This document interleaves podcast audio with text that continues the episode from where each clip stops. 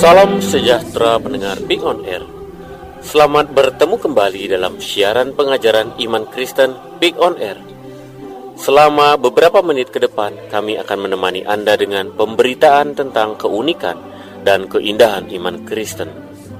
Dalam seri para tokoh Alkitab kali ini, narasumber kita, Bapak Sunduru Tanuwijaya, akan memperkenalkan, memaparkan pengalaman dan pergumulan termasuk dinamika iman para tokoh yang dicatat dalam kitab suci. Pengajaran iman Kristen on Air membangkitkan pengharapan hidup dalam ajaran firman Allah. Dari ruang siar, kami yang bertugas mengucapkan selamat mendengarkan. Semoga menjadi berkat.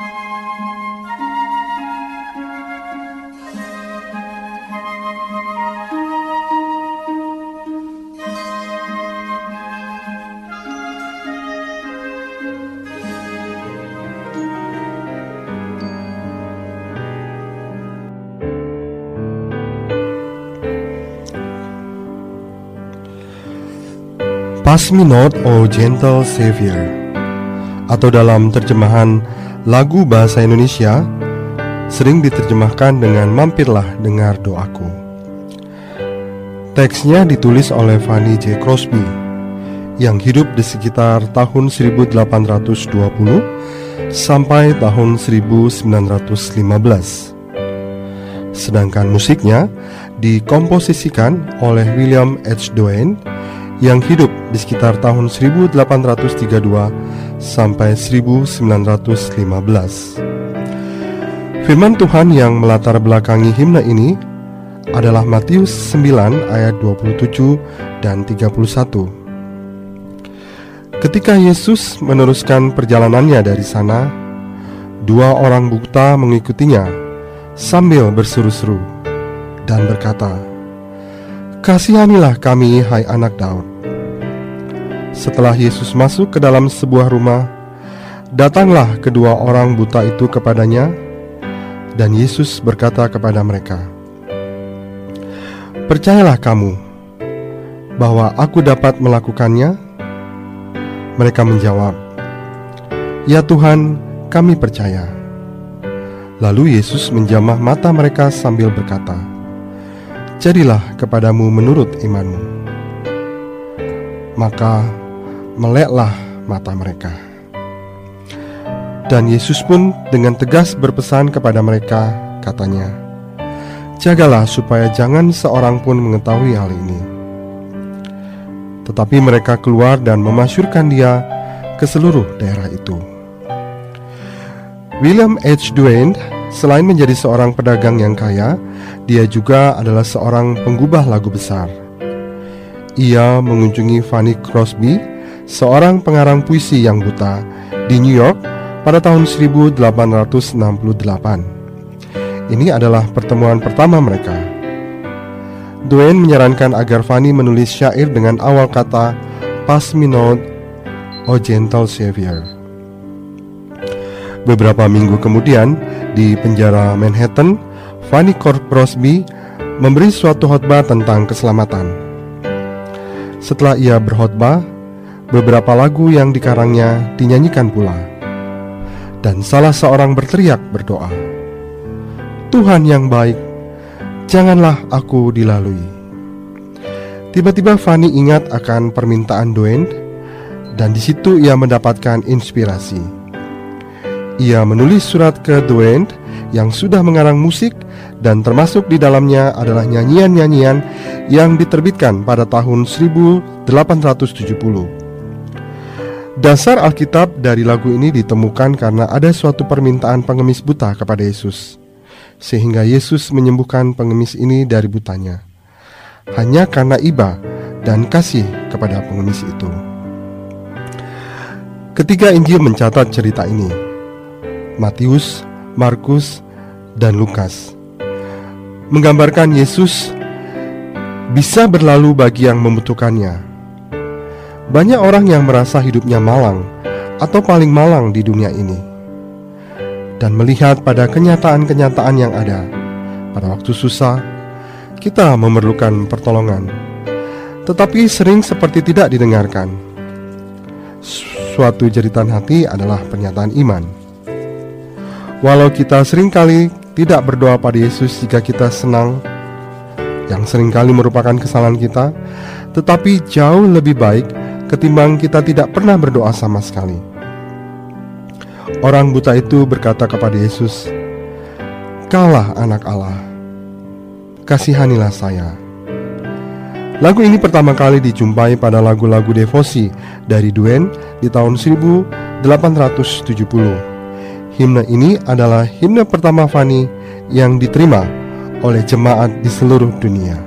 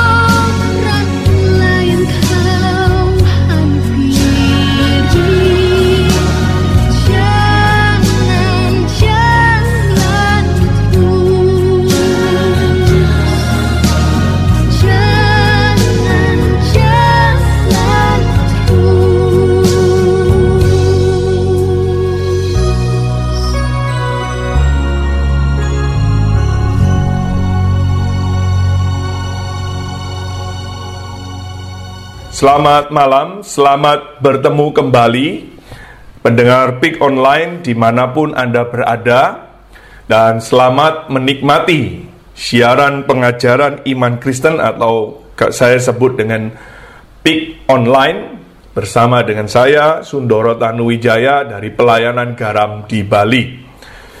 Program PIK Online ini memberikan satu khotbah seri tentang para tokoh-tokoh di Alkitab dengan pendekatan yang memahami bagaimana pengalaman, pergumulan, dan dinamika iman mereka yang bersama dengan Tuhan.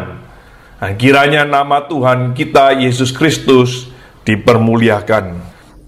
Nah, kita akan melanjutkan pembahasan kita Elia di Gunung Allah, di Gunung Horeb. Mari kita saya mengajak kita membaca di dalam satu Raja-Raja 19, satu Raja-Raja 19. Kita akan membaca agak panjang saudara, ayat 1 sampai ayat yang ke-18. Saya akan membacakan bagi Bapak Ibu dan saudara-saudara sekalian ayat 1 hingga ayat yang ke-18. Pasal 19, satu Raja-Raja. Ketika Ahab memberitahukan kepada Isabel segala yang dilakukan Elia dan perihal Elia membunuh semua nabi itu dengan pedang. Maka Isabel menyuruh seorang suruhan mengatakan kepada Elia, Beginilah kiranya para Allah menghukum aku, bahkan lebih lagi daripada itu. Jika besok kira-kira pada waktu ini Aku tidak membuat nyawamu sama seperti nyawa salah seorang dari mereka itu. Maka takutlah ia, lalu bangkit dan pergi menyelamatkan nyawanya. Dan setelah sampai ke Bersheba, yang termasuk wilayah Yehuda, ia meninggalkan bujangnya di sana. Tetapi ia sendiri masuk ke padang gurun sehari perjalanan jauhnya lalu duduk di bawah sebuah pohon ara. Kemudian ia ingin mati, katanya, "Cukuplah itu sekarang, ya Tuhan, ambillah nyawaku, sebab aku ini tidak lebih baik daripada nenek moyangku." Sesudah itu ia berbaring dan tidur di bawah pohon arar itu. Tetapi tiba-tiba seorang malaikat menyentuh dia serta berkata kepadanya, bangunlah dan makanlah. Ketika ia melihat sekitarnya, maka pada sebelah kepalanya ada roti bakar dan sebuah kendi berisi air.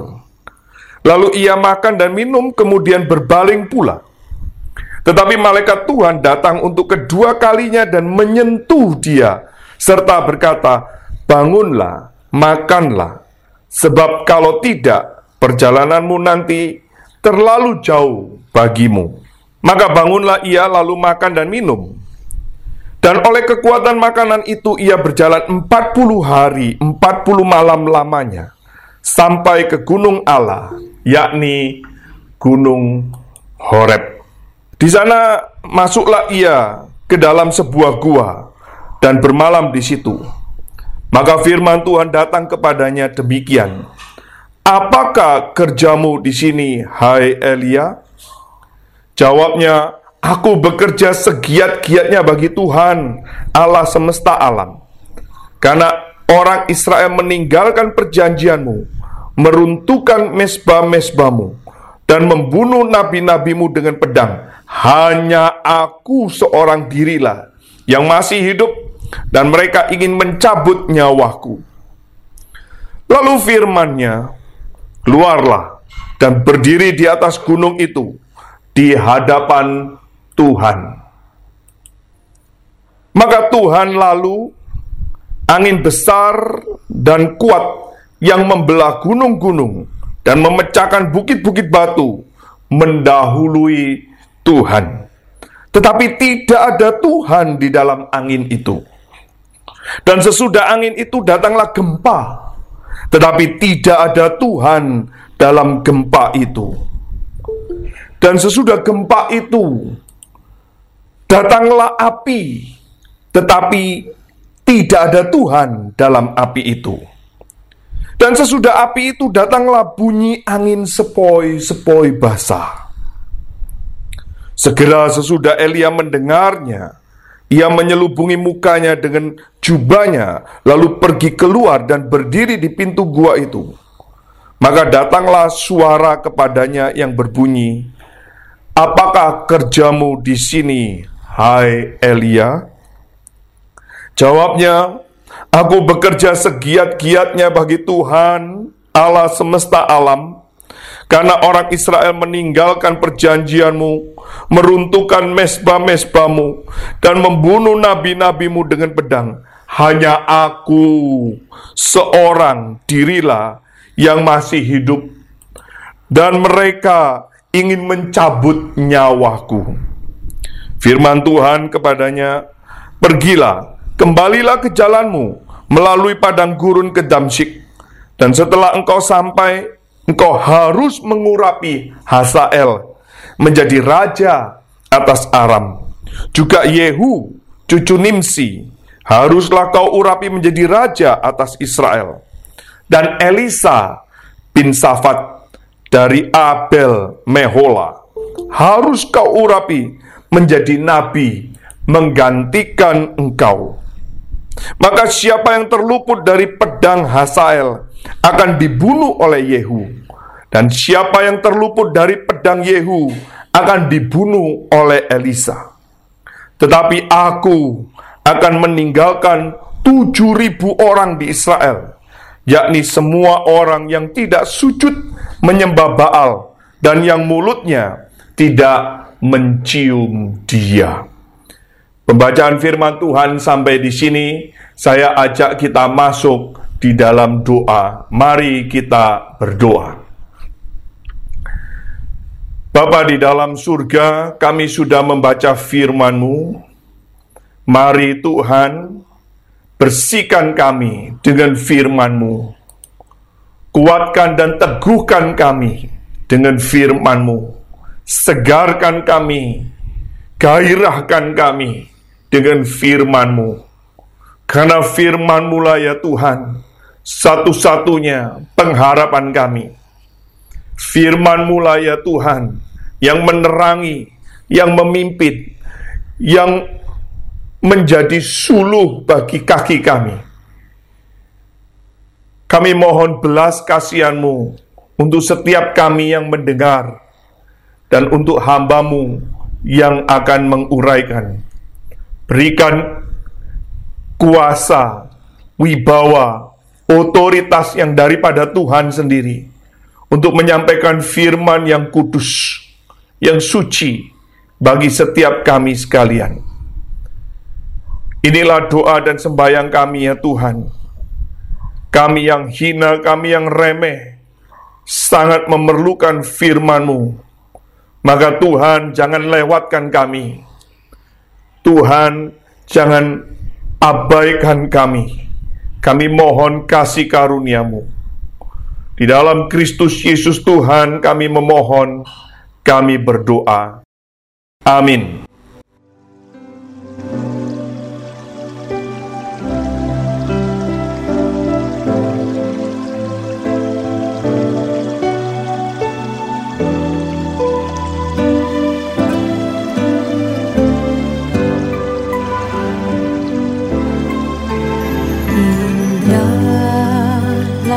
isi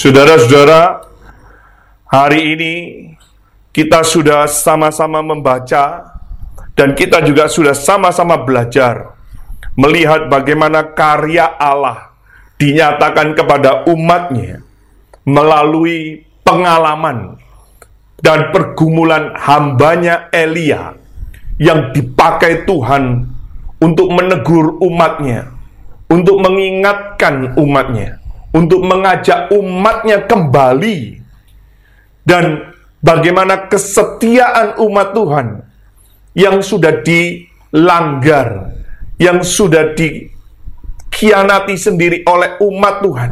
Kesetiaannya Allah dinyatakan kepada mereka yang tidak setia. Dan saudara-saudara, ketika ada pertemuan antara Elia dengan Ahab, Raja Ahab yang membawa umat Tuhan menyeleweng.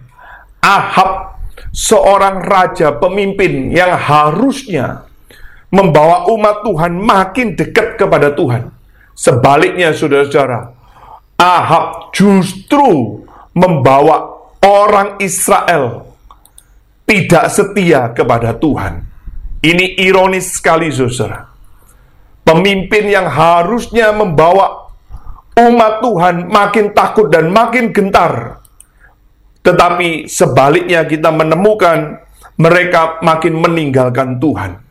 Nah saudara-saudara, tandingan diadakan, mereka sama-sama memberikan persembahan, mereka sama-sama menaruh di atas mesbah, sama-sama tidak ada api tetapi saudara-saudara, kita melihat respon dari langit berbeda. Respon dari Tuhan berbeda.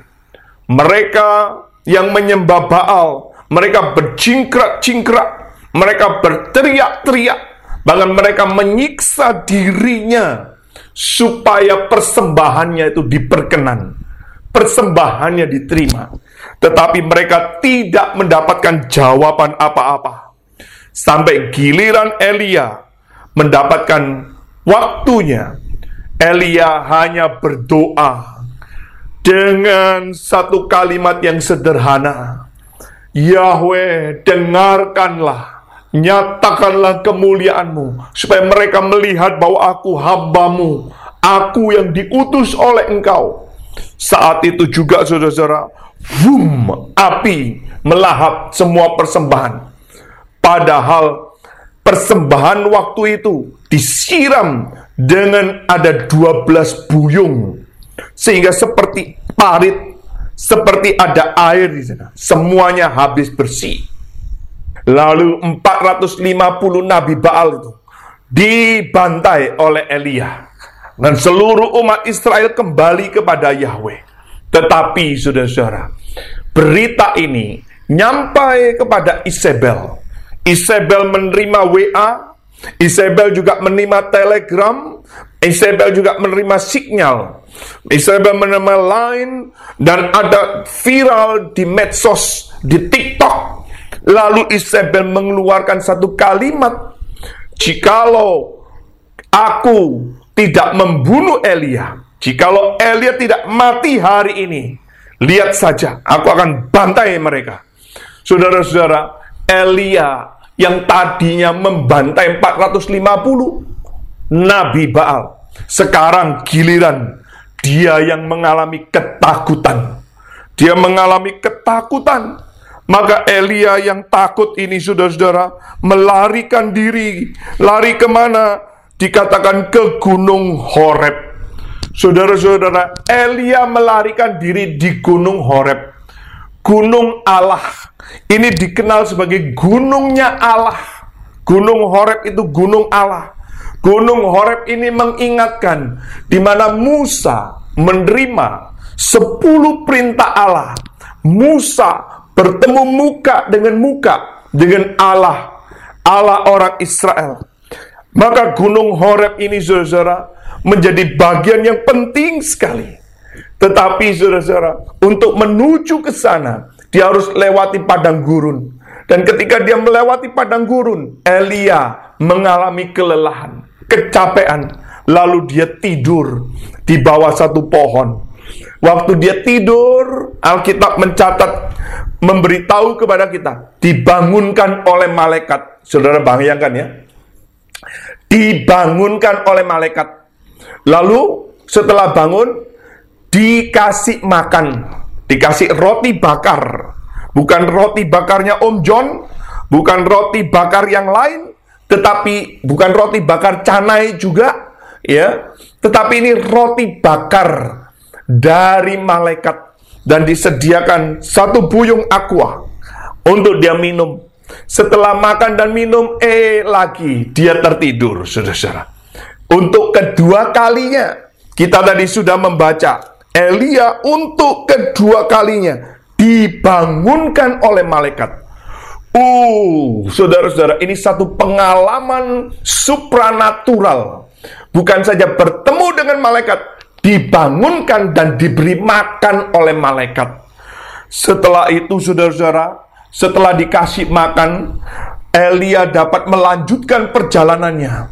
Yaitu apa? Jalan selama 40 hari.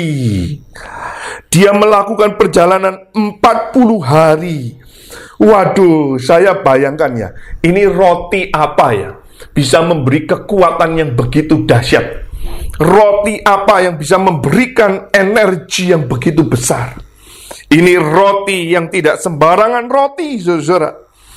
Dan saudara-saudara akhirnya Elias sampai di Gunung Horeb. Waktu di Gunung Horeb, betul-betul itu adalah gunungnya Allah. Allah menampakkan diri. Allah menyatakan diri kepada Elia. Elia ditanya, Elia, sedang apakah engkau di sini? Apakah kerjamu di sini? Saudara-saudara, ini nanti kita akan beli, kita akan bahas ya. Tetapi Elia menjawab saudara-saudara, Aku ini loh Tuhan, kerja segiat-giatnya bagimu, Orang Israel tidak setia, tetapi mereka membunuh nabi-nabimu dan cuman saya satu-satunya yang masih hidup dan mereka pun juga mau membunuh saya. Siapa tadi yang mau membunuh dia ya? Perasaan bukan orang Israel bukan? Yang membunuh, yang ingin membunuh Elia kan Isabel. Kenapa dia merasa orang Israel yang ingin membunuh dia? Lalu saudara-saudara, sekali lagi Tuhan mengatakan, oke okay, kamu keluar. Ketika Elia keluar dari gua itu saudara-saudara, di situ ada angin yang besar. Angin yang keras sekali. Yang dikatakan membelah. Biasa membelah. Apa itu? langit eh, gunung-gunung. Saudara-saudara di sini dikatakan memecah bukit-bukit batu itu di dalam ayat yang ke-11. Tetapi ayat firman Tuhan mengatakan tidak ada Tuhan di situ. Kemudian datanglah gempa, satu kegerakan yang luar biasa. Tetapi sekali lagi tidak ada Tuhan di situ. Saudara-saudara, lalu datanglah api. Sekali lagi, tidak ada Tuhan di situ. Lalu, saudara-saudara, ada angin sepoi-sepoi basah. Di dalam ketenangan keheningan, di situlah Elia sadar, Elia merasakan bahwa Allah hadir di situ. Dan dia menutup mukanya dan Allah sekali lagi bertanya, Elia, what are you doing here? Sekali lagi untuk kedua kalinya juga Elia mengatakan, Aku bekerja segiat-giatnya bagi engkau Tuhan. Karena orang Israel tidak setia, meruntuhkan mesbamu, membunuh nabi-nabimu, dan hanya aku yang masih hidup, dan mereka ingin mencabut nyawaku. Ayat yang ke-14, Elia katakan kedua kalinya. Pertanyaan yang sama, siapakah yang ingin membunuh dia? Mereka itu orang Israel atau Isabel? Saudara-saudara, di sini kita melihat ada perbedaan. Lalu firman Tuhan, saudara-saudara, cukup. Tuhan kasih firman, Tuhan kasih perintah, dan ini merupakan akhir perjalanan daripada pelayanan Elia. Minggu depan kita akan melihat ini, akhir perjalanan pelayanan Elia. Tetapi kali ini kita akan melihat pelajaran apa saja yang bisa kita ambil. Saudara-saudara, mari kita lihat bagian yang pertama. Bagian yang pertama yang bisa kita ambil adalah saudara-saudara dan saya harus hati-hati, harus waspada. Dengan apa? Dengan sebuah kemenangan. Bahaya di balik kemenangan, saudara-saudara. Kita semua tidak mau kalah, kita semua mau menang. Bahkan firman Tuhan mengatakan kita lebih dari pemenang. Kalau saudara perhatikan ayat 1 sampai ke ayat yang keempat, saudara-saudara, saudara akan menemukan Elia merasa ketakutan dan melarikan diri setelah menerima ancaman dari Isabel. Lari ke mana? Ke Gunung Allah lewat padang gurun. Saudara bayangkan ini, larinya bagus loh. Larinya ke Gunung Allah. Tetapi dia melarikan diri. Ini menarik saudara-saudara. Perhatikan baik-baik. Bukankah ini Elia yang sama? Bukankah ini pribadi Elia yang sudah kita bahas? Yang itu Tuhan suruh sembunyi di sungai Kerit. Yang Tuhan pelihara lewat burung gagak. Yang Tuhan pelihara lewat janda di miskin di Sarfat. Bukankah ini Elia yang sama yang ketemu dengan Obaja? Bukankah ini Elia yang sama waktu bertanding dengan Ahab melakukan pertandingan? Dan ini juga Elia yang sama yang sudah membantai 450 nabi palsu itu. Dan saudara jangan lupa, ini Elia yang sama yang berdoa, lalu hujan turun setelah tiga setengah tahun. Kini dia putus asa. Kini dia mau melarikan diri. Kini dia mau menyelamatkan dirinya hingga masuk ke padang gurun. Maka saudara perhatikan ini pelajaran bahaya di balik realita kemenangan itu apa? Respon yang keliru. Saudara-saudara, respon yang keliru. Dia meresponi ancaman Isabel itu dengan keliru. Dia lupa penyertaan, pemeliharaan, kasih setia Tuhan yang sudah dialami begitu spektakuler, begitu wow. Tetapi dia sekarang meresponi ancaman itu keliru, saudara-saudara. Setelah dia mengalami kemenangan, saudara, dugaan saya Elia pikir pertarungan pelayanan itu sudah akhir, saudara. Dia waktu melawan 450 nabi Baal, pikir itu the end of the story. End of the season. Itu itu akhir daripada peperangannya. Tetapi saudara-saudara, dia sekarang loh, dia pikir selesai. Rupanya ada ancaman yang baru. Loh, kok malah sekarang saya yang diancam? Pertanyaannya, bukankah memang dari dulu kau diancam oleh Ahab? Bukankah engkau juga menjadi most wanted oleh Ahab? Saudara-saudara, ini kali ini dia respon yang salah, saudara. Di dalam surat 2 Korintus, pasalnya yang pertama, surat 2 Korintus, pasal yang pertama, ayatnya yang ke-8. Perhatikan saudara-saudara 2 Korintus 1 ayat 8 Sebab kami mau saudara-saudara Supaya kamu tahu akan penderitaan yang kami alami di Asia kecil. Beban yang ditanggung atas kami Adalah begitu besar dan begitu berat Sehingga kami telah putus asa juga akan hidup kami. Paulus pun saudara-saudara Pernah mengalami kondisi yang putus asa.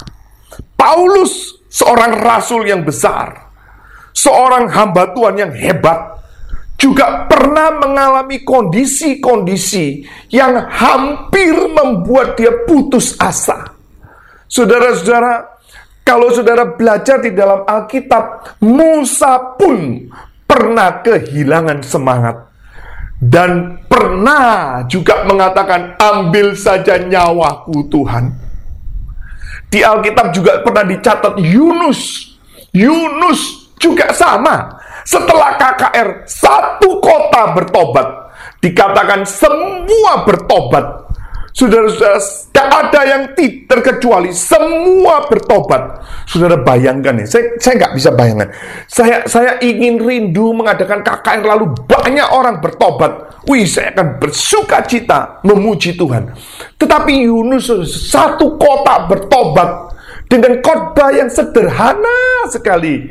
Khotbahnya Yunus sederhana, saudara bisa lihat nanti. Tetapi Tuhan beranugerah kepada Niniwe. Satu kota bertobat, tapi Yunus justru ingin mau mati. Saudara-saudara, ini pelajaran ya bagi setiap kita malam hari ini ya. Ini pelajaran penting. Saudara-saudara, pada setiap kita orang Kristen ada banyak dari kita yang masih memiliki keberhasilan-keberhasilan, kebahagiaan, kelimpahan, kekayaan. Saudara-saudara, itu itu itu itu itu saudara-saudara hanya sarana. Itu sarana, itu bukan tujuan. Orang pikir tujuannya itu apa? Bahagia. Tujuannya apa? Berhasil. Tujuannya apa? Menang. Dunia mengajarkan itu. Tetapi Alkitab mengatakan apa? Bukan. Itu bukan tujuan. Itu hanya sarana. Tujuan kita apa? Tujuan kita yaitu apa? Tidak boleh yang lain kecuali pribadi Allah itu sendiri.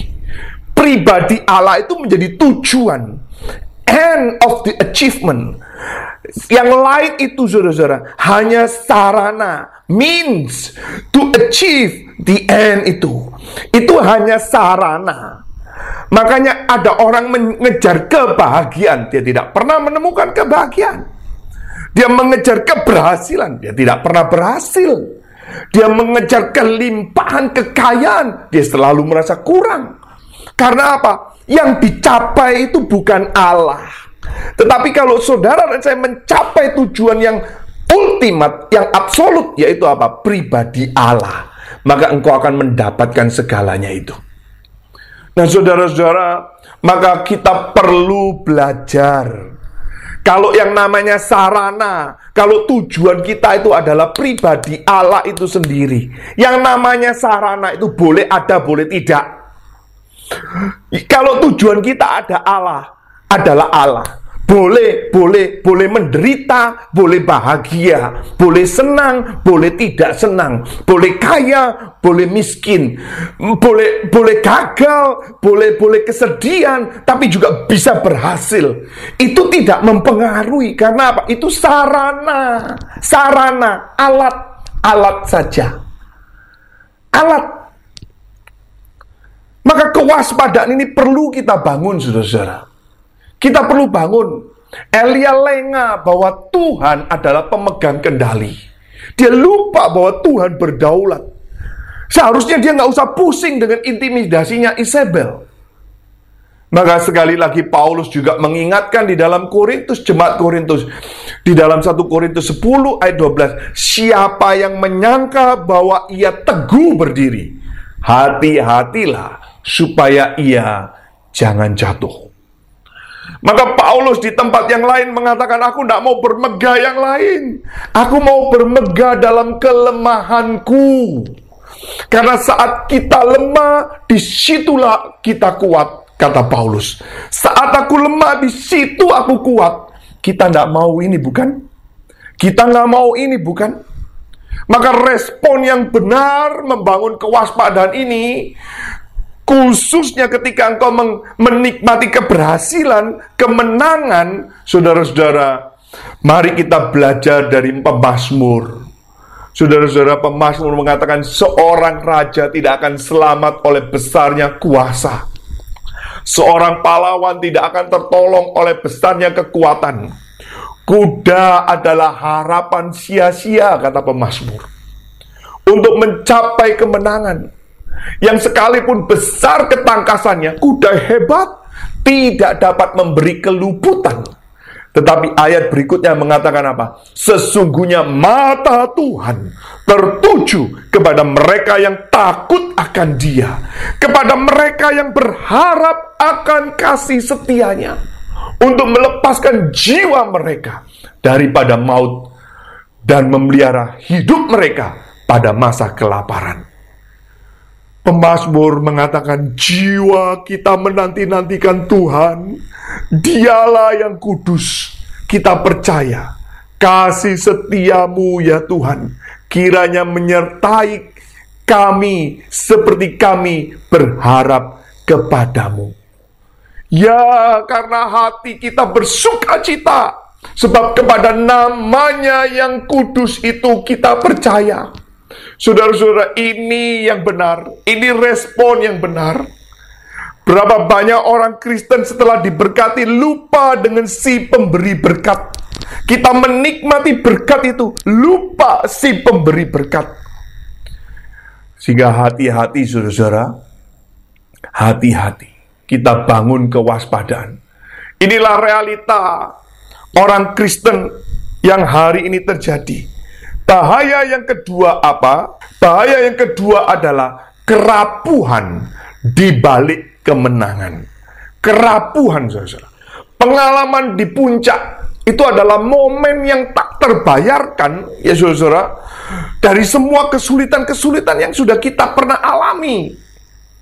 Saudara pernah kan melakukan mendaki gunung ya? Saudara pernah ya pengalaman mendaki gunung ya? Saudara waktu mendaki gunung ketika saudara di puncak gunung itu. Wah rasanya saudara lega, rasanya puas, rasanya terbayarkan semua kelelahan, kecapean, kesulitan yang saudara tadi hadapi, bukan? Tapi ingat saudara-saudara, itu belum selesai.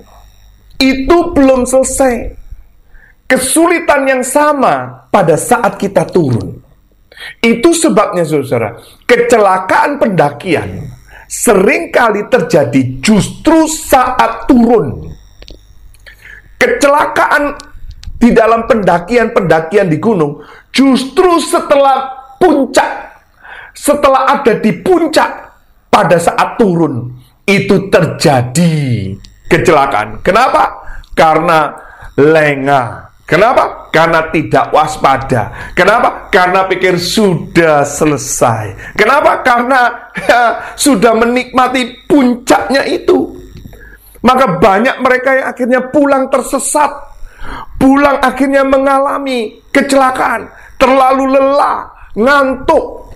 Saudara-saudara, resiko yang sama. Ketika kita mendaki, juga sama waktu menurun. Maka saudara-saudara, saya mau berbagi pemikiran dari satu orang hamba Tuhan yang namanya pendeta Yohan Candawasa. Dia mengatakan bagian yang pertama yang perlu kita ingat saudara-saudara, bukan bagaimana awalnya, melainkan bagaimana akhirnya. Saya ulangi, bukan bagaimana awalnya, melainkan bagaimana akhirnya. Hai pemuda-pemudi, dengar baik-baik. Ingat baik-baik, bukan bagaimana awalnya, tetapi akhirnya. Berapa banyak rumah tangga Kristen awalnya baik-baik, awalnya suap-suapan, happy Valentine, kasih coklat, kasih wah semuanya yang indah-indah. Tetapi bagaimana akhirnya? Akhirnya saling tuntut menuntut, saling caci maki, saling menjelekkan dan lain sebagainya. Saudara-saudara, ini penting sekali. Saudara-saudara, bukan bagaimana awalnya. Setiap kita awalnya telanjang, bukan? Setiap kita sama-sama dilahirkan telanjang. Tetapi saudara lihat, ada orang yang sama-sama dilahirkan, sama-sama dibesarkan, sama-sama sekolah di sekolah yang sama. Namun saudara-saudara, yang membedakan apa? Akhir hidupnya. Sama-sama sekolah, sama-sama dibesarkan di kampung yang sama. Lingkungan yang sama. Tetapi ada yang menjadi berkat bagi banyak orang. Sebaliknya ada yang menjadi kutuk, menjadi batu sandungan bagi banyak orang. Ada banyak orang yang tumbuh bersama, tetapi satu jadi presiden, satu jadi penjahat, satu jadi pekerja biasa, tapi satu jadi orang yang luar biasa.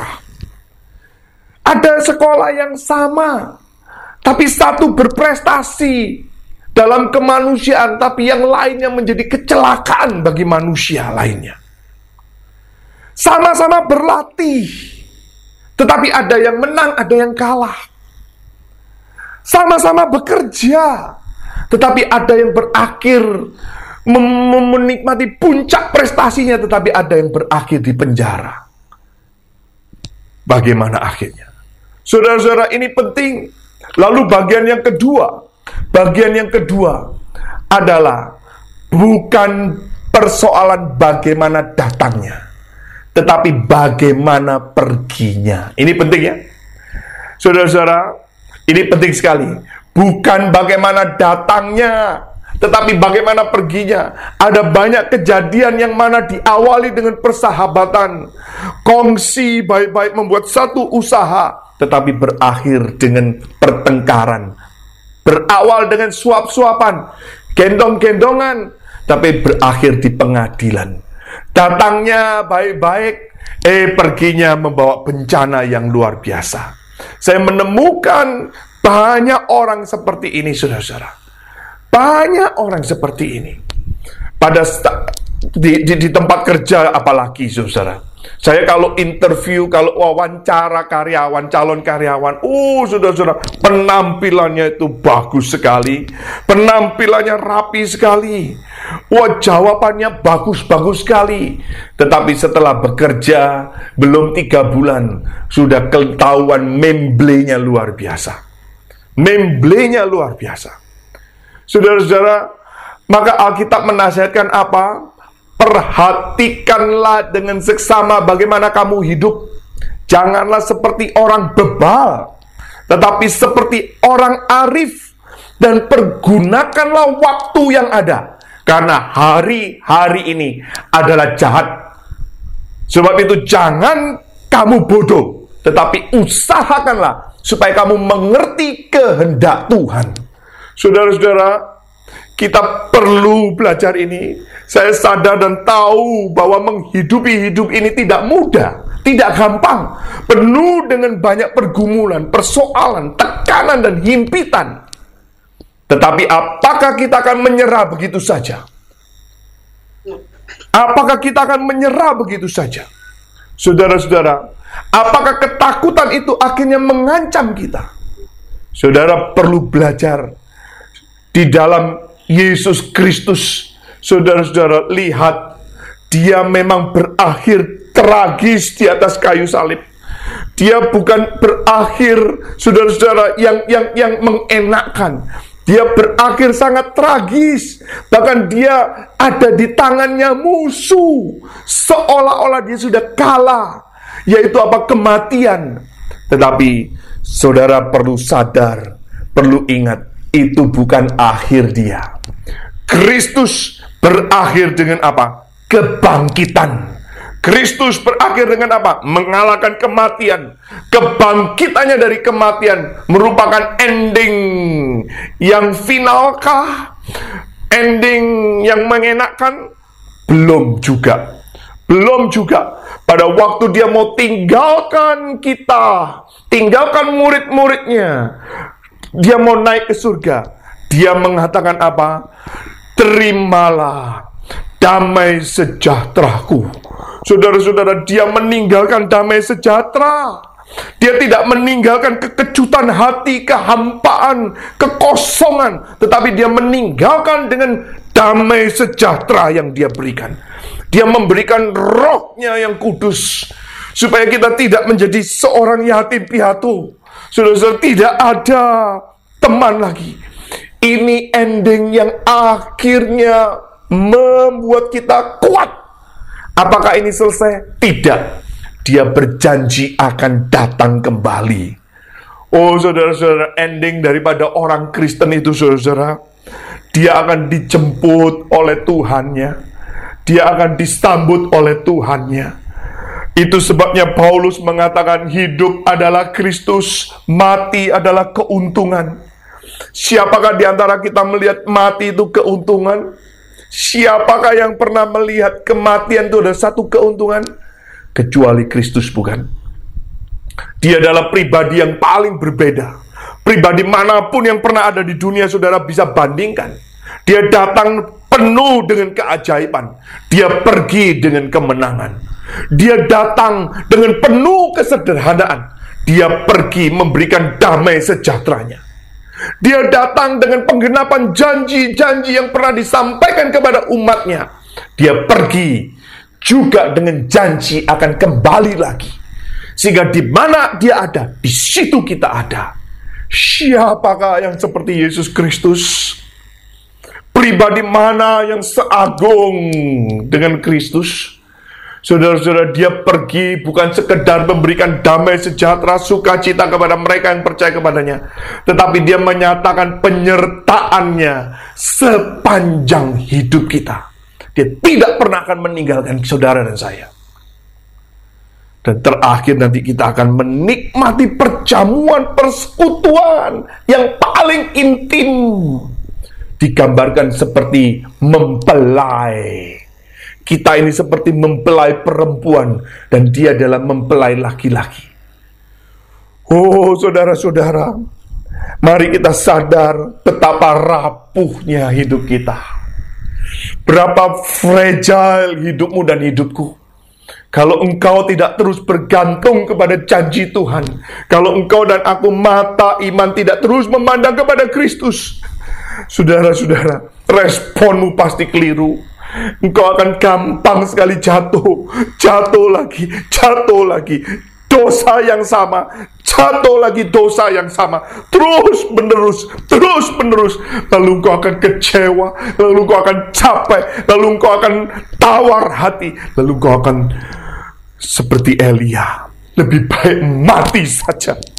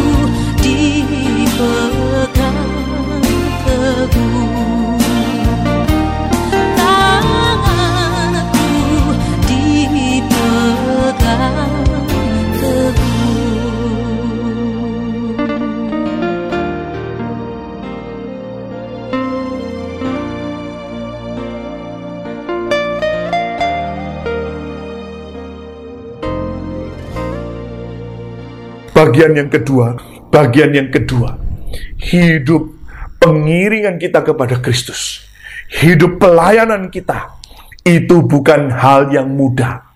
Perlu keberanian. Perlu keberanian. Saya kutip satu tulisan daripada pendeta Dr. Stephen Tong dalam bukunya Pengudusan Emosi. Kita memerlukan keberanian untuk hidup. Keberanian untuk hidup miskin. Keberanian hidup di dalam bahaya. Keberanian kita harus menghadapi penyakit. Bahkan, bahkan kematian itu sendiri. Kita perlu keberanian.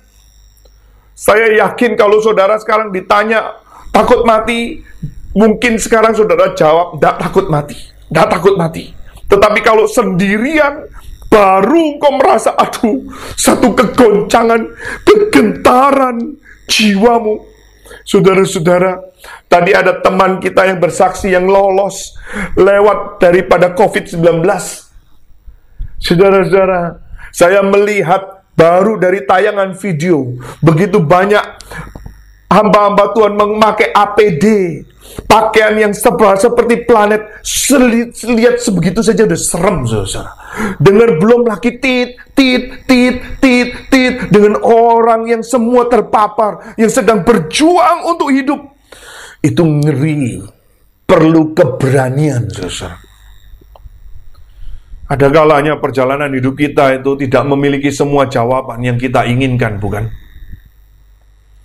Tetapi, tetapi saudara-saudara, ada alasan untuk percaya bahwa kita menemukan bahwa pengharapan-pengharapan tertentu dapat dipenuhi ketika kita masih hidup di dunia ini. Ada kalanya perjalanan hidup kita menemukan satu titik, satu titik yang saudara mengatakan lebih baik mati saja. Ini banyak anak muda yang kadang-kadang mikirnya cuma senang-senang terus. Senang-senang terus. Saudara-saudara, pagi tadi ada seorang mahasiswa WA saya, Pak Sun doakan saya. Saya bilang, apa yang harus saya doakan? Doakan supaya saya dapat pacar. Dia pikir kalau dapat pacar itu bahagia. Katanya kalau dapat pacar itu bisa menjadi penyemangat di dalam kuliah, di dalam belajar. Saudara-saudara, engkau belum tahu anakku, engkau belum tahu, engkau belum menikmati pacaran atau hidup itu. Kau pikir selalu indah. Saya mengingatkan juga kepada anak-anak saya.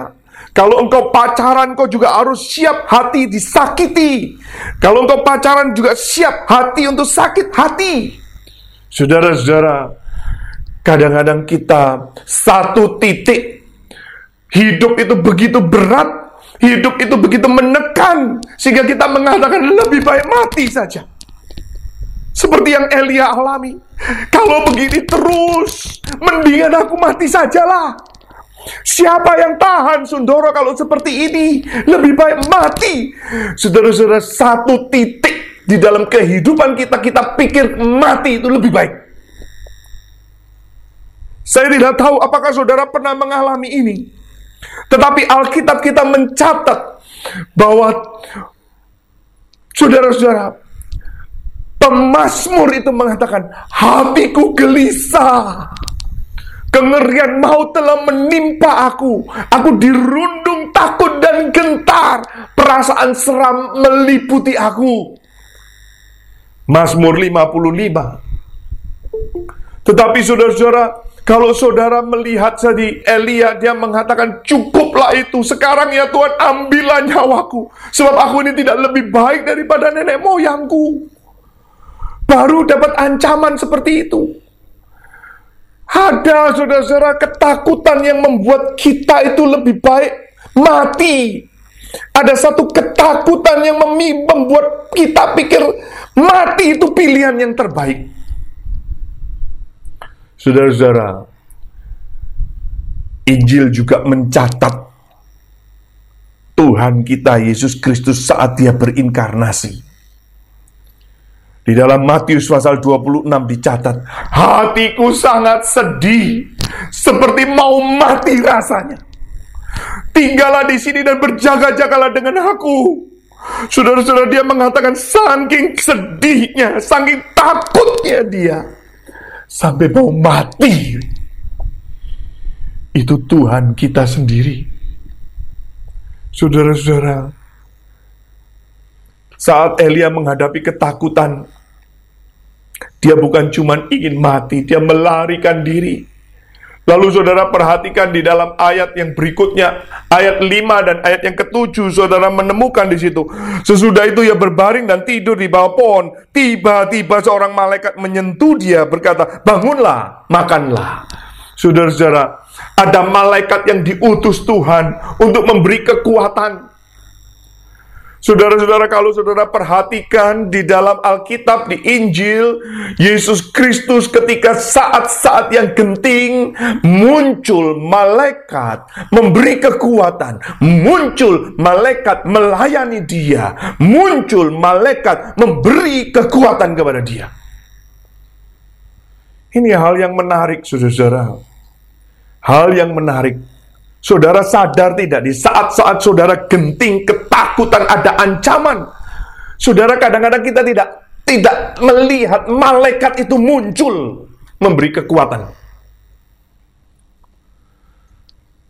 Hei saudara lihat di dalam Alkitab Yusuf itu waktu itu takut mengambil Maria sebagai istrinya. Lalu malaikat muncul saat bayi Yesus diancam oleh oleh Herodes, ada ancaman dan bahaya. Malaikat muncul. Saudara-saudara, maka ini memberikan konfirmasi bahwa benar Allah itu turut bekerja. Benar Allah itu memperhatikan kesulitanmu dan kesulitanku. Benar Allah itu Allah Israel, Allah yang tidak terlelap. Dia adalah Allah yang melihat engkau dan aku. Dia tidak membiarkan engkau dan aku sendiri. Saudara-saudara, dua kali malaikat ini muncul. Saudara perhatikan tadi ayat 5 sampai ayat yang ke-8. Dua kali muncul. Memberi kekuatan dan bahkan makanan kepada Elia. Yang sedang melarikan diri ketakutan. Bahkan setelah makan itu dia mampu berjalan 40 hari, 40 malam. Sampai ke gunung Allah yakni Gunung Horeb. Saudara-saudara, ini kita akan bahas ya. Mari melihat yang ketiga, poin yang ketiga. Perhatikan baik-baik. Ini menarik, saudara-saudara ya. Menarik. Poin yang ketiga, pengalaman menerima dukungan dari Allah belum tentu ada di dalam perkenanannya Allah. Saya ulangi ya. Pengalaman pengalaman saudara ya menerima dukungan dari Allah belum tentu itu ada dalam perkenanannya. Pelariannya Elia itu seakan-akan didukung oleh Allah, bukan? Lihat itu ada malaikat yang memberi kekuatan. Loh, bukannya itu melarikan diri. Harusnya di stop dong. Stop, ayo kamu balik. Tidak loh saudara-saudara. Justru tetap didukung, dikasih roti, dikasih minum dua kali pula. Bukankah ini sebuah spiritual yang wow, pengalaman spiritual yang wow? Siapa di antara saudara pernah dilayani oleh malaikat? Malaikat loh. Tapi saudara-saudara ini tidak tentu. Ini tidak tentu di dalam perkenanan Allah. Kok tahu Sundoro? Nanti saudara lihat ayat 9. Tuhan dua kali ayat 13 juga. Apa kerjamu di sini hai Elia? Saudara-saudara pengalaman di sungai Krit bukankah pengalaman yang wow? Dan itu diperkenan oleh Tuhan karena Tuhan yang perintahkan. Bukankah pengalaman bertemu dengan janda di Sarfat dan membangkitkan anaknya yang mati itu hal yang wow? Yes, karena itu yang diperkenan oleh Tuhan. Bukankah bertemu dengan Ahab, bertanding dengan 450 nabi Baal adalah pengalaman yang wow? Ya, itu wow. Karena itu diperkenan oleh Tuhan, karena itu disuruh oleh Tuhan.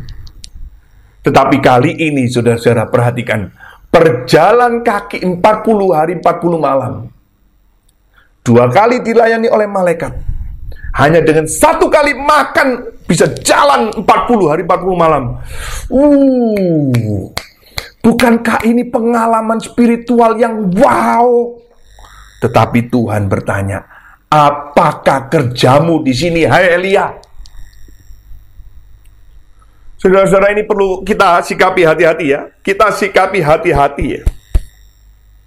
Kita perlu responi dengan hati-hati. Tidak tentu dukungan Tuhan lewat pengalaman-pengalaman yang supranatural itu selalu diperkenan olehnya. Sekali lagi saya ulangi. Tidak selalu tidak tentu dukungan Tuhan lewat pengalaman-pengalaman yang supranatural itu selalu diperkenan olehnya. Kita perlu menaruh perhatian, saudara. Ini apakah perintah Tuhan atau bukan? Daripada pengalaman-pengalaman kita. Pengalaman kita tidak bisa menjadi patokan, saudara-saudara.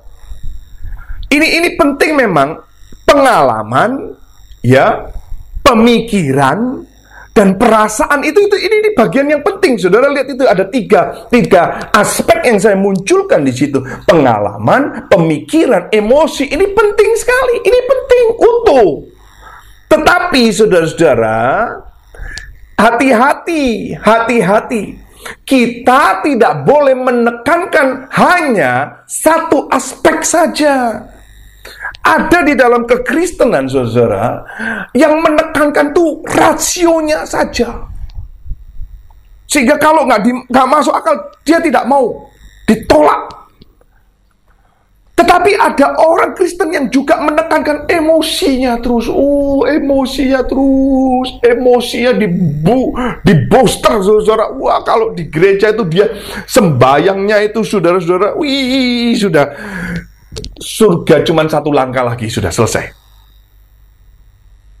Tetapi ada orang Kristen skeptis, selalu memikir, pikir, pikir, pikir. Oh ini nggak masuk akal. Ini nggak bisa. Ini nggak boleh. Nggak boleh. Nggak boleh. Nggak boleh. Saudara-saudara, ini juga harus hati-hati, hati-hati.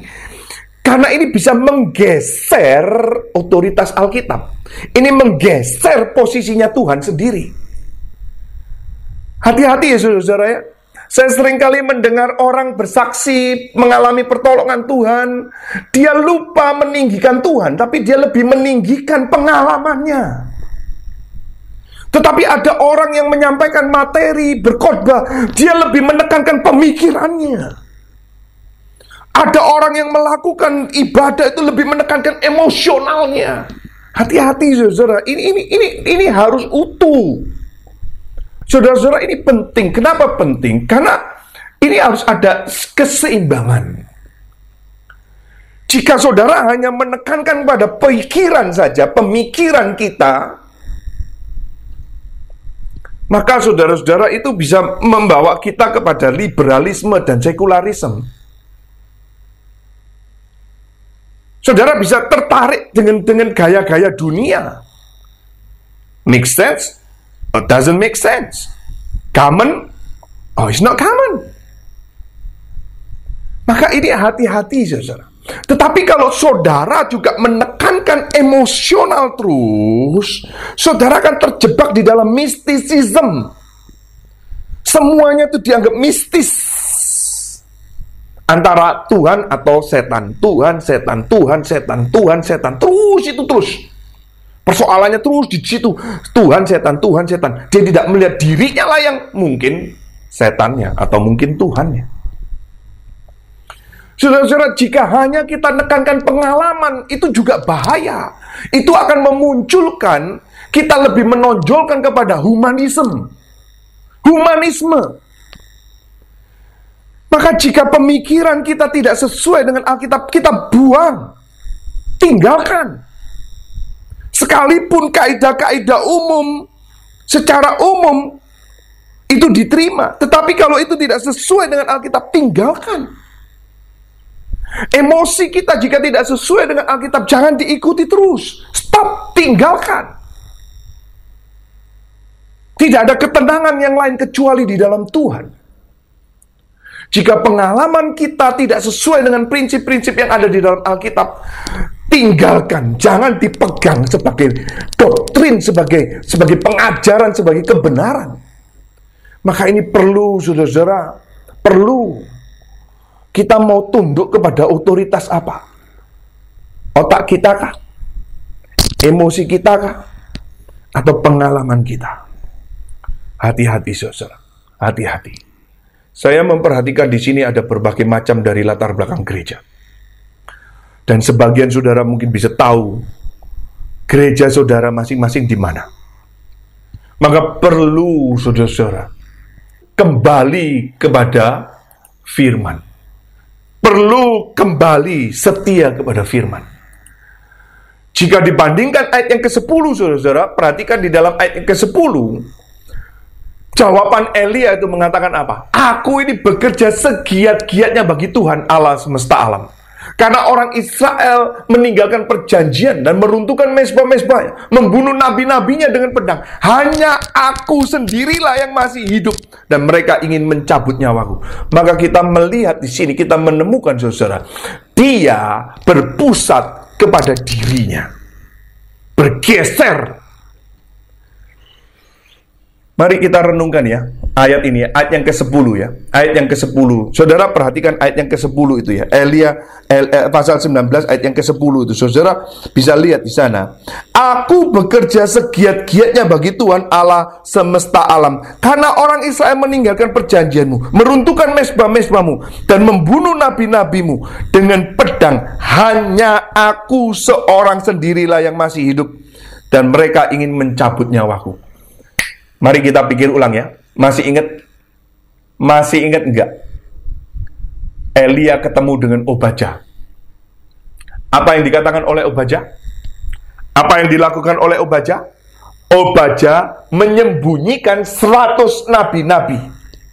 Dibagi 50, 50, 50. Setiap hari dikasih makan, setiap hari dikasih catering. 100 nabi-nabi. Bukankah ini juga giat Apakah Elia lebih giat? Apakah Obaja kalah giat? Saudara-saudara, kalau saudara ingat ini ya, apa iya tinggal dia sendiri? Masih ada 100 nabi loh. 100 nabi yang disembunyikan oleh Obaja. Waduh saudara, Elia jadi lebay. Elia jadi baper saudara. Elia jadi alay. Saudara-saudara, maka ini bagian yang keempat, ada pergeseran saudara. Elia terjadi pergeseran. Pusat pelayanannya bukan kepada Allah, tetapi kepada dirinya sendiri. Saudara-saudara, ini begitu halus ya, hati-hati. Ini begitu halus sehingga nampaknya kita giat untuk Tuhan. Nampaknya kita dekat dengan Tuhan. Saudara-saudara, hati-hati ya. Di sini banyak yang aktivis, pelayan Tuhan, majelis, penata layan.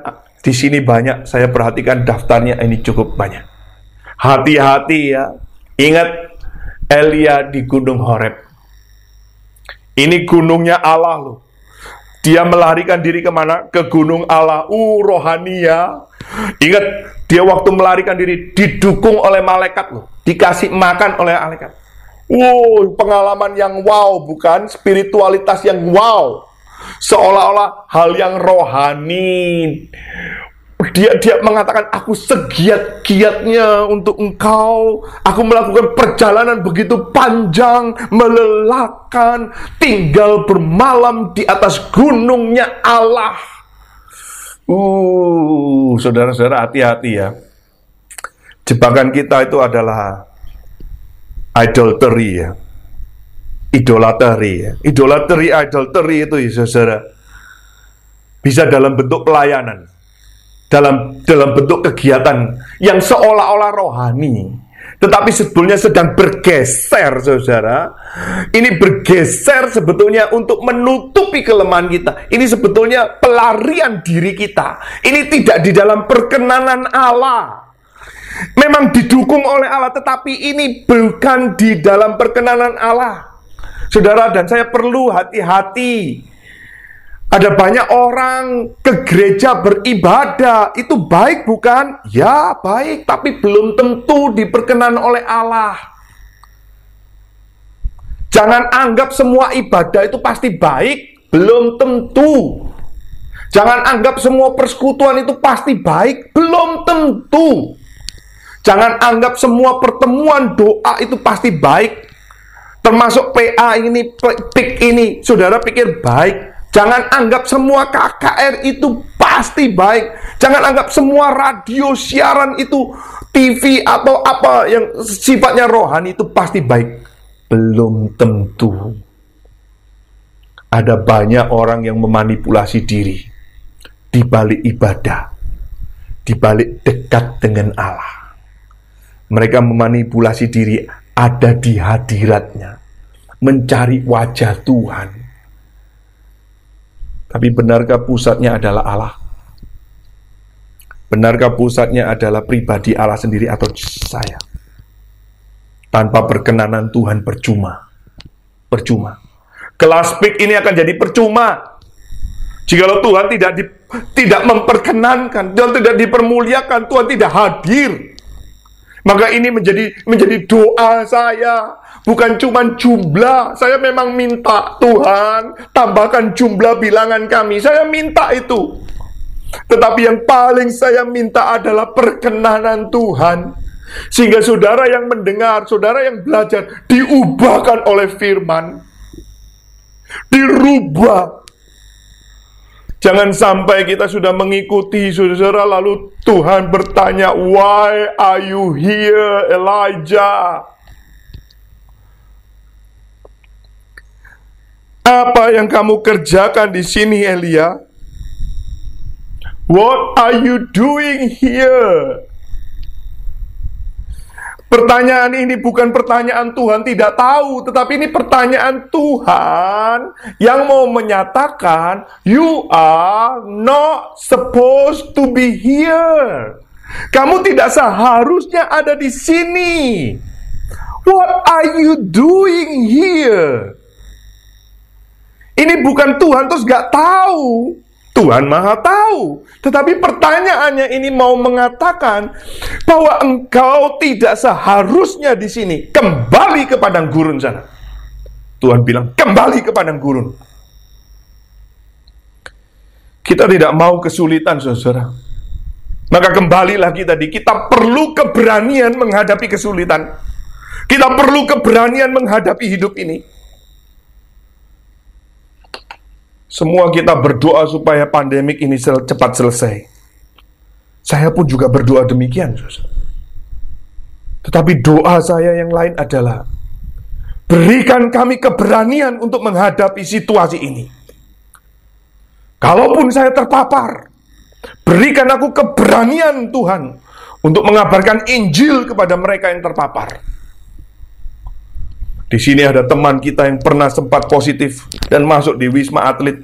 Saya ingatkan kepada dia.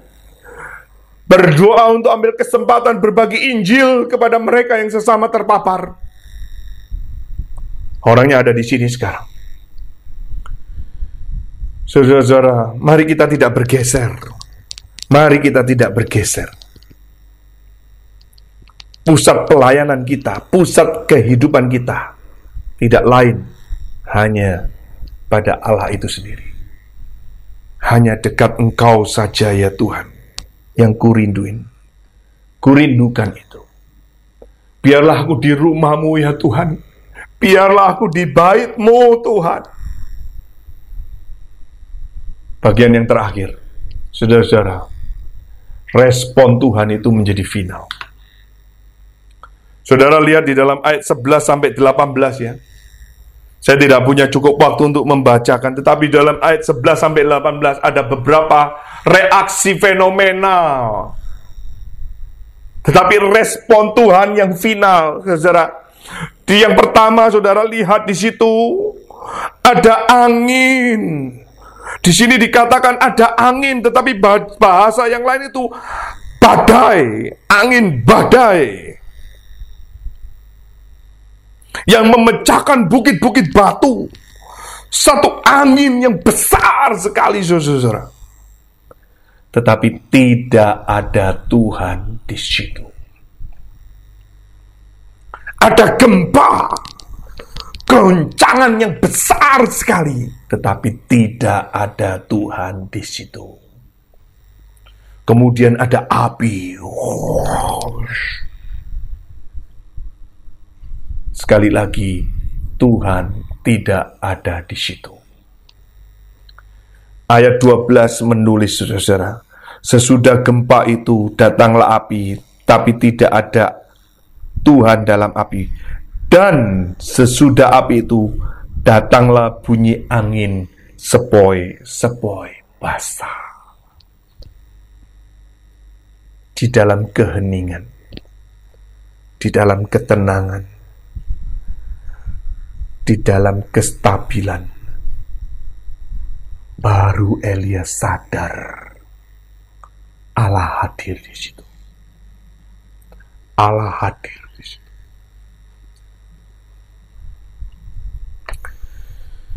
Saudara-saudara, Alkitab mengajarkan kepada kita, saudara ya.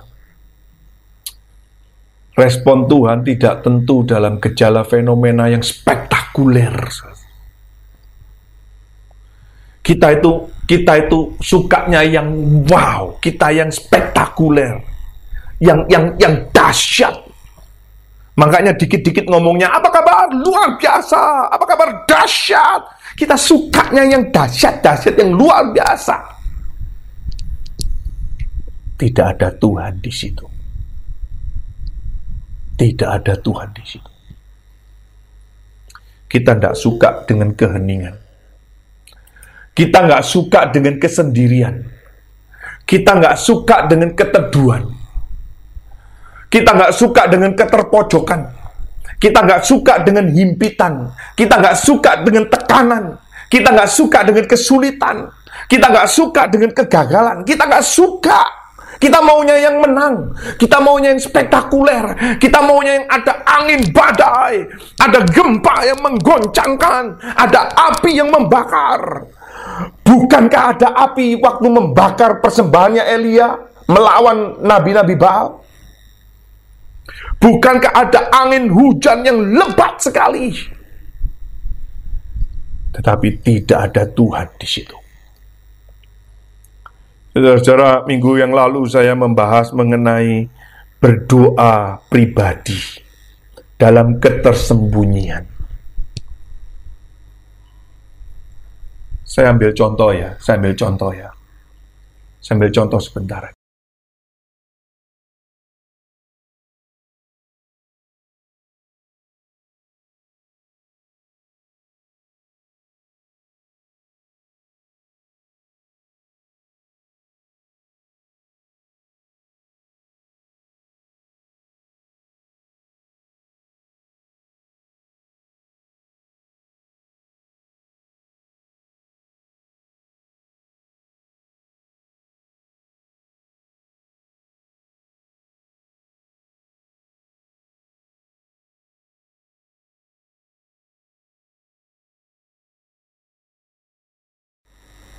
Sebagian di antara kita sambil mendengar menanti bingung.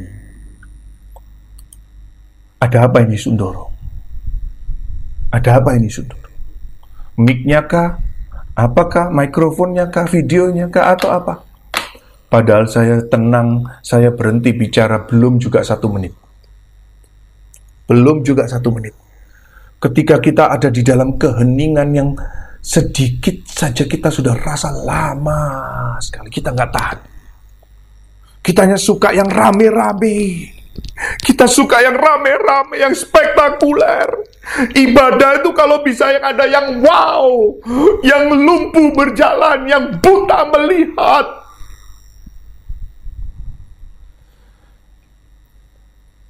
Tetapi tidak ada Tuhan di sana. Saudara-saudara, kita tidak tertarik sendirian dengan Allah. Kita tidak tertarik merenungkan firman Tuhan sendiri dengan Allah. Kita tidak tertarik bergumul dengan Allah sendiri di dalam doa-doa kita. Kita tidak tertarik. Kita maunya doa rame-rame, kita mau doa yang bersuara, yang semua orang lain dengar. Kita mau kalau bisa, oh di dalam doa itu ada kegetaran, ada goncangan-goncangan, ada yang uh, mungkin sampai bisa terkapar atau terlempar, ada yang terjatuh. Wow, kita maunya seperti itu. Padahal Tuhan tidak ada di situ mendengar suara Tuhan di dalam keheningan, mengingatkan saudara-saudara, mengingatkan teriakan Yesus Kristus, Eloi, Eloi, lama sabatani. Saudara, Bapakku, Bapakku, kenapa engkau meninggalkan aku? Mari kita pikir sama-sama ya. Allah yang Tritunggal dari kekal dan sampai kekal tidak pernah terpisah. Kali ini terpisah. Bagaimana perasaan itu? Yang tidak pernah terpisah kali ini terpisah. Mari kita pikir. Allahku, Allahku, mengapa engkau meninggalkan aku? Allah meninggalkan Allah. Bagaimana mungkin? Mari kita pikir. Allahku, Allahku, mengapa engkau meninggalkan aku? Terus Tuhan meninggalkan ke mana? Dia pergi ke mana? Adakah tempat yang Tuhan bisa pergi?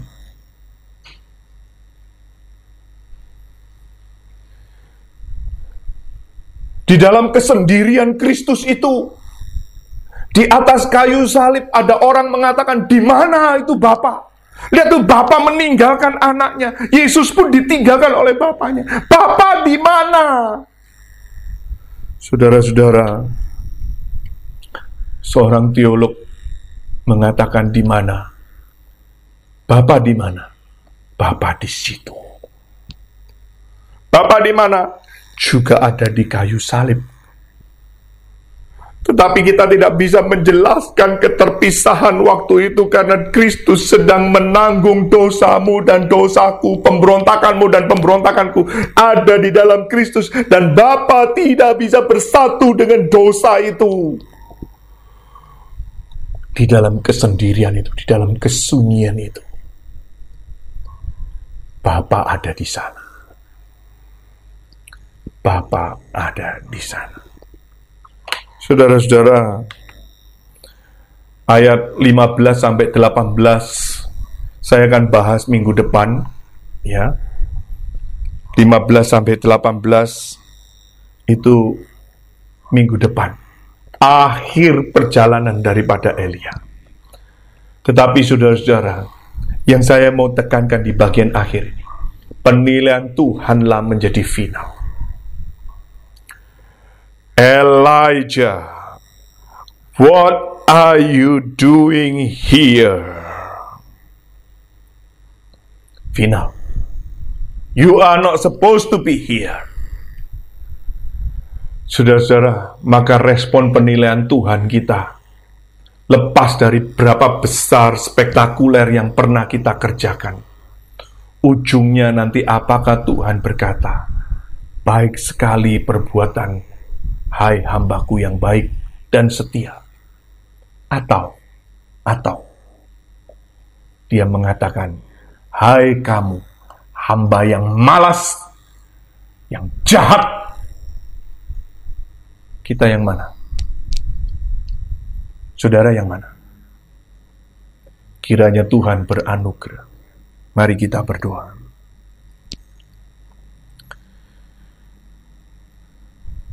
Tuhan, betapa rapuhnya kami. Betapa lemahnya kami. Ada banyak hal kami kira kami ini kuat ada banyak hal yang kami sangka kami bisa lakukan tanpa melibatkan Engkau. Ampunilah kami ya Tuhan. Ampunilah kami. Mari Tuhan, tariklah fokus kami bukan kepada persoalan, bukan kepada hal-hal yang bersifat fenomenal, bukan kepada gejala-gejala, tetapi hanya kepada dirimu semata. Hanya kepada firmanmu semata. Tidak ada yang lain. Tidak ada yang bukan. Tidak ada yang lain. Tuhan tolong kami. Demi Kristus Yesus Tuhan. Kami berdoa. Kami memohon.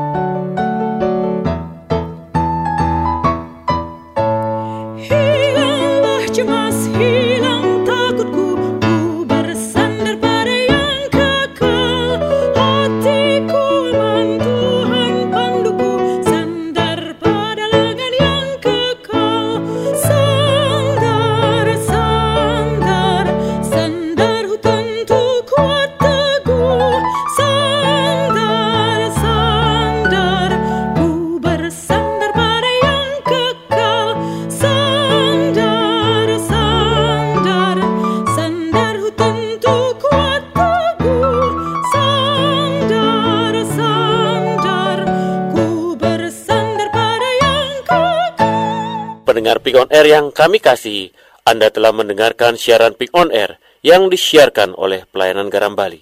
Jika Anda ingin mengetahui tentang aktivitas Pelayanan Garam Bali atau Tuhan gerakkan Anda untuk berbagian dalam donasi dana agar dapat mendukung pelayanan siaran ini lebih luas, silakan menghubungi kami di nomor 085 238 400 900 085 238 400 900 untuk mendapatkan informasi lebih lanjut. Nantikan kehadiran kami di siaran kami berikutnya. Tuhan memberkati.